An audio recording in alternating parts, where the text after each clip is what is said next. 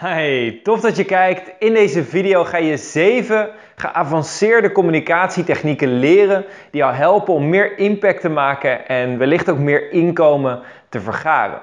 En de technieken die je gaat leren kan je in allerlei verschillende contexten gebruiken om meer invloed uit te oefenen, jouw visie uit te dragen, om daarmee meer impact te maken op het gedrag van anderen, hopelijk anderen een positieve richting uit te sturen, zodat je ze kan inspireren om bepaalde stappen te nemen of blokkades te overwinnen waar ze misschien al jaren tegenaan lopen. En eindelijk die stap te zetten om te doen wat ze echt willen.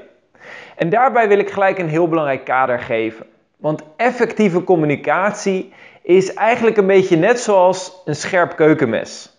Kijk, een scherp keukenmes, zoals dit mes dat je hier ziet, dat kan hele gunstige uitwerking hebben. Je kan er groenten mee snijden en vlees mee snijden en andere dingen. En je kan het heel gunstig gebruiken. Maar je kan je ook voorstellen dat zo'n keukenmes in de verkeerde handen een hele nadelige gevolgen kan hebben. Dus we gaan uh, het keukenmes snel even wegleggen. Daar uh, gaan we verder niks mee doen. Maar hou dat ook in gedachten voor communicatie. communicatie kan op een prachtige manier gebruikt worden om mensen te helpen om limieten te overwinnen waar ze al jaren tegenaan lopen. Het kan mensen helpen om eindelijk die emotionele vrijheid te vinden. Communicatie kan, of, of om bij elkaar te komen. Om een, een, een, um, een relatie aan te gaan. Communicatie kan een businessrelatie, een partnership bevorderen of doen ontstaan. Maar communicatie kan ook enorm veel schade aanrichten. En dat is allereerst het kader wat ik wil zeggen. Van tevoren, doe dit op je eigen risico. En hou ook altijd in je gedachten dat je het met de juiste intentie toepast. Want de communicatie, net zoals dat keukenmes, is neutraal. Het is de manier waarop je het toepast wat uiteindelijk het verschil maakt, wat, het, wat de invloed daarvan is. De eerste techniek waar ik met je op in wil gaan, is de techniek van patroononderbrekingen. En patroononderbrekingen wil simpelweg zeggen dat je iets doet wat volledig tegen de verwachting ingaat. Kijk, wanneer je een bepaalde communicatie aangaat, is het het geven van een presentatie, is het maken van een online video of is het heel iets anders, dan hebben mensen een bepaalde verwachting. Zo zag ik een, eh, een, een weekje geleden zag ik een video op Instagram en die video begon echt in de stijl van zo'n motivatievideo met zo'n inspirerend muziekje op de achtergrond. Je zag wat shots van regen en dergelijke. En de spreker begon. Een paar jaar geleden had ik maar 70 dollar op mijn rekening. En je voelt al helemaal die sfeer. Hè? Mensen kunnen relateren. Ja, shit, armoede. En je weet wat er meestal komt, toch? In zo'n motivatievideo. Maar toen heb ik de stappen gezet en nu ben ik miljonair geworden of wat het dan ook is. En het volgende wat hij zei. En nu? Nu heb ik nog 36 dollar op mijn rekening. Ja, want je dacht dat dit een motivatievideo gaat zijn, maar ik ben nog steeds hartstikke blut. Right? En uiteraard moest ik keihard lachen toen ik dat hoorde. Maar dat is een voorbeeld van een patroononderbreking. Je verwacht dat je een bepaalde kant op gaat, maar uiteindelijk blijkt dat je toch een hele andere kant op gaat. En wanneer je dit in je communicatie kunt implementeren, van dit soort patroononderbrekingen, zodat mensen even van hun stuk gebracht worden, dan zorg je ervoor dat mensen geïnteresseerd worden. Dat ze zoiets hebben, hé, hey, ik wil meer horen. En de tweede effectieve communicatietechniek waar ik het met je over wil hebben, dat zijn open loops en nested loops. En dit is zo'n ongelooflijk krachtig principe. Dit is het principe van mensen op hun puntje van hun stoel laten zitten en constant het gevoel creëren dat je er bijna bent. Dat mensen constant benieuwd zijn naar hey, wat gaat nou het volgende zijn wat er gaat gebeuren. Maar elke keer, vlak voordat je bij de conclusie komt, dan stap je over op een ander stuk. En het mooiste voorbeeld hiervan wat ik de afgelopen jaren gezien heb, is de serie Prison Break. In de serie Prison Break, ik heb die serie gekeken samen met mijn vriendin. We waren op een gegeven moment tot vier uur s'nachts waren we aan het kijken. En elke aflevering dachten we dat het de laatste was. Dat we daarna gingen slapen. Want we moesten de volgende ochtend moesten we gewoon weer om zeven uur op. Maar elke aflevering aan het einde gebeurde er iets dat we dachten: ah, hoe gaat dit in vredesnaam aflopen? Nou, weet je wat, we doen toch nog maar één aflevering.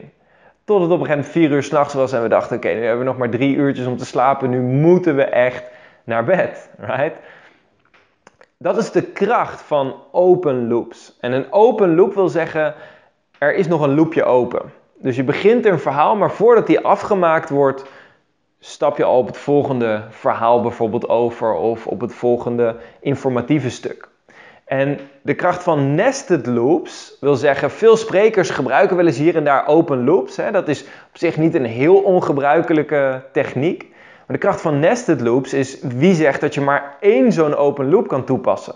Waarom zou je er niet gewoon vijf achter elkaar doen? Waarbij het ene verhaal bijna afgelopen is en je dan een nieuw verhaal begint. En dan is daar weer een bepaalde climax die net niet tot uiting komt. En dan begint alweer het volgende verhaal. Zodat je uiteindelijk een soort opbouw creëert en mensen steeds nieuwsgieriger worden naar hoe gaat dit aflopen. Nou, dit is niet voor niets een geavanceerde presentatietechniek, want het is belangrijk dat wanneer je dit doet, dat je eerst allereerst zelf helderheid hebt over de structuur van je verhaal en dan stap voor stap die nested loops gaat inbouwen, zodat je in ieder geval mensen nog wel door een soepele flow van je verhalen mee kan nemen en niet ervoor zorgt dat je zelf op gegeven in verwarring bent en niet meer weet waar je presentatie over gaat. Dus de tweede techniek zijn open loops en nested loops. De derde effectieve communicatietechniek is om iets breed te trekken. En wat bedoel ik met breed trekken? Daarmee bedoel ik dat je als spreker of als, hè, wanneer je communiceert, dat je vaak bepaalde voorbeelden hebt of verhalen hebt die voor een deel van je publiek van toepassing zijn. En dat is ook heel krachtig, hè? want op het moment dat je een verhaal hebt wat voor een deel van je publiek heel relevant is, dan kan het zomaar zijn dat je daarmee die ideale mensen in je publiek of die ideale klanten daarmee aantrekt. Alleen, wat doet het met de rest van je publiek? En hoe kan je zorgen dat ook de rest van je publiek geïnspireerd raakt? Daarvoor is de kracht van het breed trekken. En het breed trekken wil simpelweg zeggen dat je eigenlijk dat verhaal wat eerst heel specifiek is, dat je vervolgens een vraag stelt of een voorbeeld geeft hoe het voor iedereen van toepassing kan zijn. Dus wanneer ik bijvoorbeeld een verhaal vertel over een van de eerste presentaties die ik ooit gaf en hoe ontzettend eng ik dat vond en hoe ik met knikkende knieën en bibberende handjes naar het podium toeliep en op een gegeven moment daar ging staan en dat toen ik mijn presentatie begon, dat ik de woorden over mijn tong hoorde rollen, maar dat in mijn hoofd was ik tegelijkertijd heel erg anders mee bezig. En ik hoopte maar dat datgene wat ik vertelde, dat het enigszins leek op datgene wat ik had voorbereid. Dan vertel ik over een moment dat ik een hele belangrijke angst overwin. En als ik weet dat in het publiek op dat moment mensen zitten die niet alleen de behoefte hebben om een presentatie te geven, maar ook mensen die bijvoorbeeld de behoefte hebben om een andere angst te overwinnen, dan kan ik het breed trekken door aan het einde van het verhaal te zeggen: hey, en wat voor angst zit jij op dit moment mee?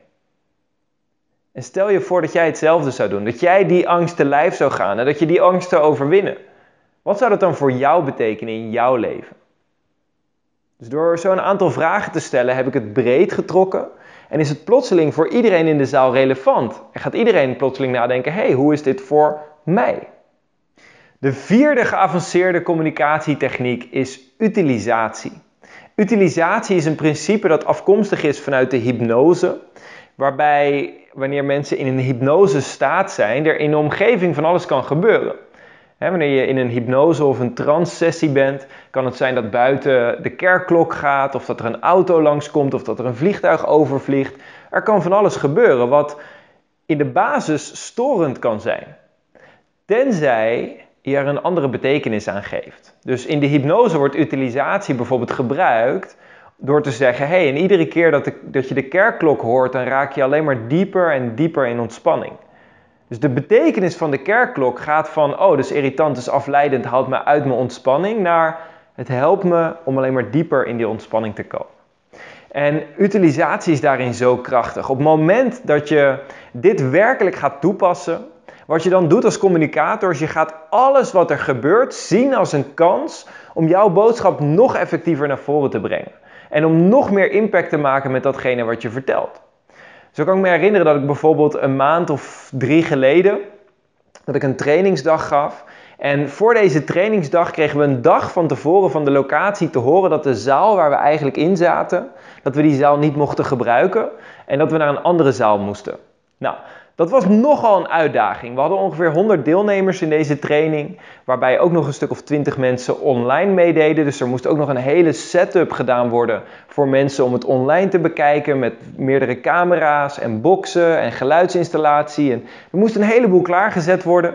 Dus ons team heeft vervolgens tot twee uur s'nachts doorgewerkt om alles in die andere zaal klaar te zetten. Toen stonden we op het punt om de dag te beginnen.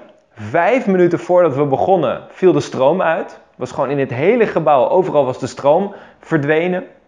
En toen we eenmaal begonnen met de presentatie, was er iets in het geluid niet helemaal goed afgesteld, omdat we in een nieuwe zaal zaten, er geen tijd was om dat goed door te testen. Waardoor het uiteindelijk de situatie was dat elke minuut een krakend geluid tussendoor te horen was, wat ongeveer zo klonk. En dat was dan elke minuut. Dus het was letterlijk zo dat na een half uur een aantal mensen in de zaal op het punt stonden om weg te lopen. Hoewel ze een paar duizend euro hadden betaald om die training te volgen, was het geluid zo storend dat ze op dat moment gewoon op het punt stonden om te zeggen: hey, weet je wat, ik ga er vandoor. No way. Voor mij en de andere trainer was het onze taak om voortdurend aan alles wat er gebeurde een positieve betekenis te geven. En constant te kijken, hey, hoe kunnen we dit juist gebruiken als experiment, als manier om onze boodschap verder over te brengen. En meer impact te maken met wat we vertellen. En ik vond het zo bijzonder. Het was een behoorlijke uitdaging. Gelukkig in de lunch hebben de mensen van het geluidsteam hebben het allemaal geregeld en is het opgelost. Waardoor het uiteindelijk helemaal goed is gekomen. Dus dat scheelde, moet ik je vertellen. Maar uiteindelijk vond ik het zo mooi. Aan het einde van de dag kwam een van de deelnemers naar me toe en die zei: Weet je, ik vond dit zo'n ongelooflijk inspirerende dag vandaag. Ik heb vandaag zoveel geleerd. Ik zei: Oké, wat, wat maakt dan dat je zoveel geleerd hebt? En hij zei: hij zegt, Nou, eigenlijk vooral hoe jullie omgingen met alle tegenslagen die er vandaag kwamen. Hoe jullie constant kalm bleven en er uiteindelijk toch iets moois van maakten. Hij zei: Dat vond ik de meest waardevolle les van vandaag. En toen dacht ik: Ja, wauw. Hoe tof is dit? Wanneer je utilisatie toepast, dan kan alles misgaan. Het kan eigenlijk een gegarandeerde complete ramp zijn. Alleen omdat jij het utiliseert, omdat jij met de stroom meebeweegt en er toch iets moois van maakt, is het uiteindelijk in plaats van een grote ramp, wat het eigenlijk bijna gegarandeerd is om te worden, wordt het plotseling voor sommige mensen de meest waardevolle les die ze in de hele training hebben gekregen. En hoe krachtig zou het zijn als je voor jezelf voortdurend die utilisatie toepast? Wat er ook gebeurt, wat mensen ook zeggen, wanneer je één op één communiceert, wat mensen bijvoorbeeld ook aangeven, jij utiliseert het en je ziet het als de perfecte kans om je boodschap nog helderder naar voren te brengen. De vijfde geavanceerde presentatietechniek is paradigma shiften. En dit is een behoorlijk diepgaande techniek. Sterker nog, ik zou het niet eens per se een techniek willen noemen. Alleen dit gaat er vooral over dat beginnende uh, communicatoren, is misschien een beetje een vreemd woord, want we communiceren allemaal vanaf dat we één jaar oud zijn, maar bijvoorbeeld beginnende sprekers of mensen die net actief zijn op social media en daar hun boodschap willen uitdragen, beginnen heel vaak met puur informatie geven. hoe kan ik zoveel mogelijk feitelijke informatie overbrengen? En dat heeft zijn waarde, dat is absoluut op een bepaalde plek kan dat enorm waardevol zijn. Alleen het ding is, mensen komen vaak binnen met een bepaald paradigma. En een paradigma kan je zien als een set van overtuigingen. Je zou het ook kunnen zien als een filter. Als het ware een roze of een groene of een zwarte of een blauwe bril waarmee mensen naar de wereld kijken. En het ding is, wanneer jij allerlei feitelijke informatie vertelt, maar mensen eigenlijk het paradigma hebben: dit is niet voor mij weggelegd, of ik kan dit toch niet, of dit kan ik toch, dit, dit, dit, dit is niet te leren. Hè, bijvoorbeeld als het gaat over effectief communiceren, zijn er een heleboel mensen die geloven, charisma is iets wat je aangeboren hebt. Dat kun je niet ontwikkelen. Dat is een hele hardnekkige overtuiging. En ik heb duizenden tegenvoorbeelden voor die overtuiging. Alleen als mensen daar heilig in geloven, dan kan ik ze de beste informatie ter wereld geven. Alleen zolang mensen in die overtuiging vast blijven zitten, gaan ze niet veranderen. En de kunst is dan om die overtuiging te tackelen. Want op het moment dat je die overtuiging tackelt, dan ontstaat er een paradigma shift. Dus de vraag die ik altijd stel wanneer ik bijvoorbeeld een training geef, is: hey, met wat voor paradigma's komen mensen mijn training binnen? En hoe kan ik ervoor zorgen dat ik die paradigma's kan tackelen en mensen kan helpen om nieuwe paradigma's in te zien die gunstiger zijn voor ze? Zodat ze niet alleen met waardevolle informatie de training uitlopen, maar dat ze eigenlijk een nieuw perspectief op hun leven hebben gekregen. Dat ze dingen op een nieuwe manier zijn gaan zien en kansen zien waar ze tot voorheen geen kansen gezien hebben. En dat is wanneer werkelijke magie gebeurt in jouw communicatie. De zesde geavanceerde communicatietechniek is storytelling. Maar niet alleen storytelling, ook story teaching en story selling. Namelijk, verhalen zijn een van de meest krachtige manieren om een bepaalde boodschap over te brengen. En wanneer je voor het eerst begint met effectief leren communiceren, dan is de eerste basis is gewoon überhaupt leren om verhalen te vertellen. Right? Want vaak heb je in eerste instantie de neiging om het puur en alleen bij de informatie te houden. En dan is het gewoon leerzaam om die informatie in een verhalende vorm te kunnen geven, zodat je daarmee mensen ook inspireert. Zodat mensen meer geboeid raken. Wanneer je dan op een gegeven moment meer de geavanceerde kant op wil gaan, dan ga je jezelf op een gegeven moment de vraag stellen: hey, welke verhalen zijn relevant voor welke momenten? Welke onderliggende boodschap ligt er onder mijn verhalen die een bepaalde boodschap overbrengt, zodat ik bepaalde lessen kan leren of die paradigma's kan shiften, waar we het in de vorige techniek over gehad hebben. Dus op die manier ga je op een andere manier over verhalen nadenken. En ga je nadenken over, hey, wat zijn alle punten die ik vandaag over wil brengen? Als ik bijvoorbeeld een training geef, hè, wat zijn de informatieve stukken die ik wil dat mensen meenemen? Of wat zijn de inzichten die ik wil dat mensen meenemen? En welke verhalen zijn daarvoor het meest relevant? En zo kan ik volledig alle informatie, alle verhalen afstemmen op datgene wat mensen het meest nodig hebben. En een voorbeeld van story teaching is iets wat je in films heel veel ziet gebeuren. In films volg je een verhaal en dan net op de climax wordt er bijvoorbeeld een bepaalde les gegeven. Bijvoorbeeld toen ik een jaar of 13, eh, 14 was, toen keek ik altijd naar de Rocky films.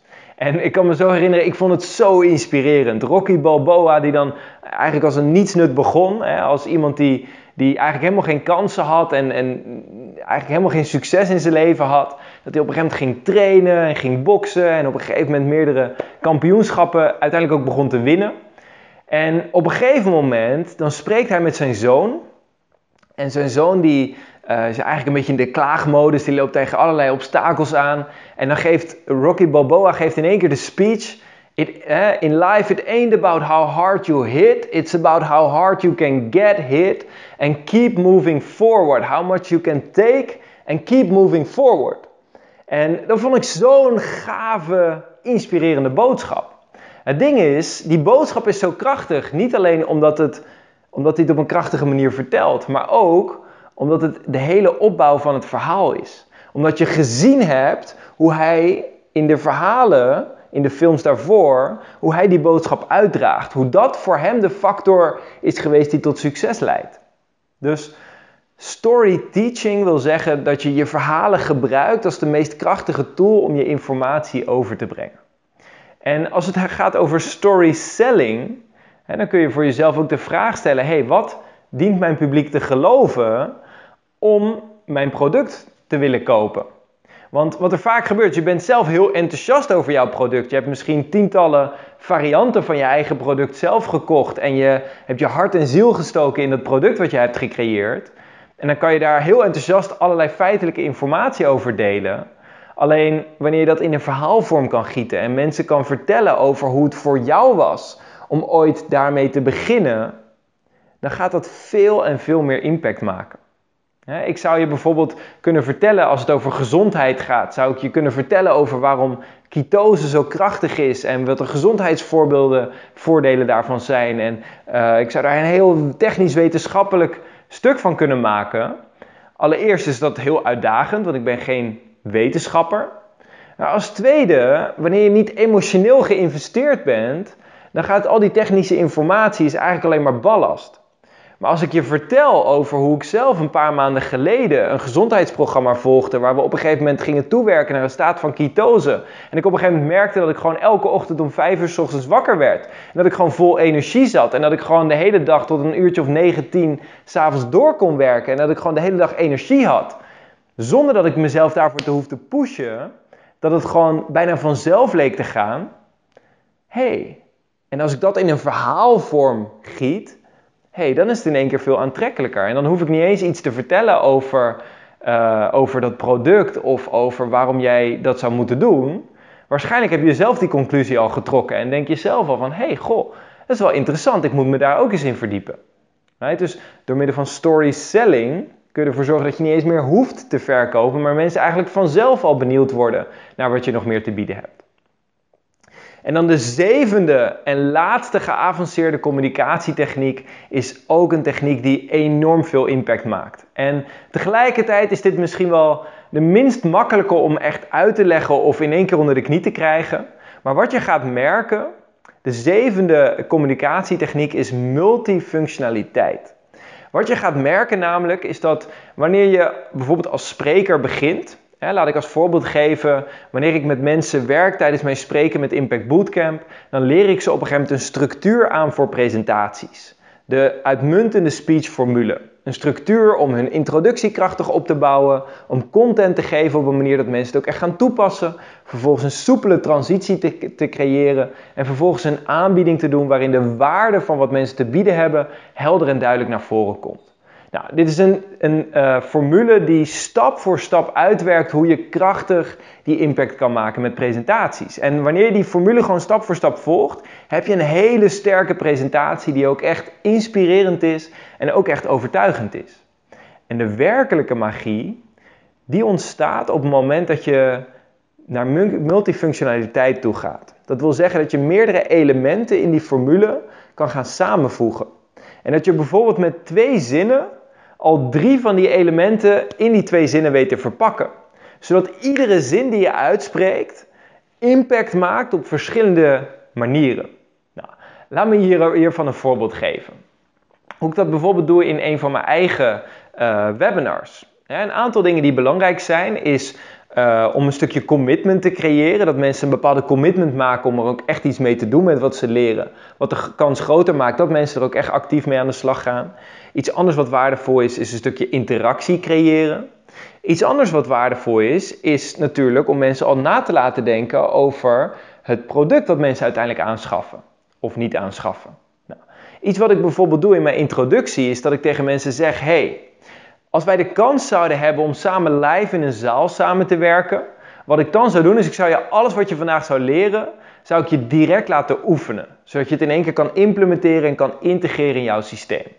Die luxe hebben we vandaag niet. We hebben wel de luxe dat je dit heerlijk vanuit je eigen woonkamer of slaapkamer of kantoor kan bekijken. Alleen dat betekent wel dat je ook zelf een stukje verantwoordelijkheid te nemen hebt. Dat is namelijk de verantwoordelijkheid om het ook echt toe te passen wat je vandaag leert. Vervolgens doe ik nog iets. En dat is dat ik zeg, want er is namelijk niks zo zonde als dat wij elkaar over twee jaar weer zien. En dat je naar me toe komt en dat je zegt, hey Pim, wow, ik vond die presentatie, ik vond het super leuk. En dat ik dan helemaal blij word en dat ik zeg, oh wat tof, wat heb je ermee gedaan? En dat je dan zegt, ja, ik heb er niks mee gedaan eigenlijk. Ik vond het wel heel leuk om naar te luisteren. Maar ja, ik moet toegeven, ik heb het niet echt geïmplementeerd. Nou, dit is een, een stukje van misschien één minuut. Maar er zitten hier een heleboel elementen in. Allereerst zit er een element in van een future pace. Van hey, als we de kans hadden om samen in een zaal samen te werken. Waardoor je gaat denken over hey, hoe zou het zijn om samen in een zaal samen te werken. Wat mijn training, hè, als ik met, mensen vier dagen live aan de slag ga, dan doen we dat ook. Daarnaast zit er een stukje commitment in, om ook echt de commitment te maken om er iets mee te doen. Er zit een stukje interactie in. Ja, dat komt daarna dat ik mensen vraag van, nou, hey, als je daarmee aan de slag wil gaan, zeg maar deal in de chat. Maar er zit ook een stukje in waarbij ik heel veel pijn koppel aan het niet nemen van actie. Van hé, hey, als wij elkaar over twee jaar weer zien, hoe zonde zou het zijn als je dan exact op hetzelfde punt staat en dat je er niks mee hebt gedaan. dus op die manier creëer ik ook nog een toekomstperspectief van hé, hey, als je hier niks mee doet, dan blijf je exact waar je tot nu toe bent. dus in een heel kort stukje van de presentatie worden verschillende doelen behaald. Nogmaals, de manier waarop je die multifunctionaliteit uiteindelijk creëert in je presentatie is in mijn ervaring voornamelijk door gewoon alle stappen in eerste instantie uit te werken en de structuur een aantal keer te doorlopen en je presentatie meerdere keren te geven. Als het om een presentatie gaat, kan het natuurlijk ook een video zijn of één op één communicatie of misschien een verkoopgesprek of een andere vorm van communicatie. En dat je een aantal keer die verschillende stappen doorloopt waarmee je al effectieve communicatie neerzet. En op een gegeven moment gaat merken van, hey, hoe leent dit geheel zich om zich te laten combineren? En wat je dan gaat merken is dat je presentatie een heel stuk korter wordt, zodat jij meer gelegenheid hebt en meer ruimte hebt om eventueel ofwel nog dingen toe te voegen, ofwel gewoon heel kort en krachtig in één keer straight to the point een waanzinnig krachtige presentatie neerzet. Goed. Dat was het voor nu. Dat waren de zeven effectieve communicatietechnieken voor meer impact en inkomen.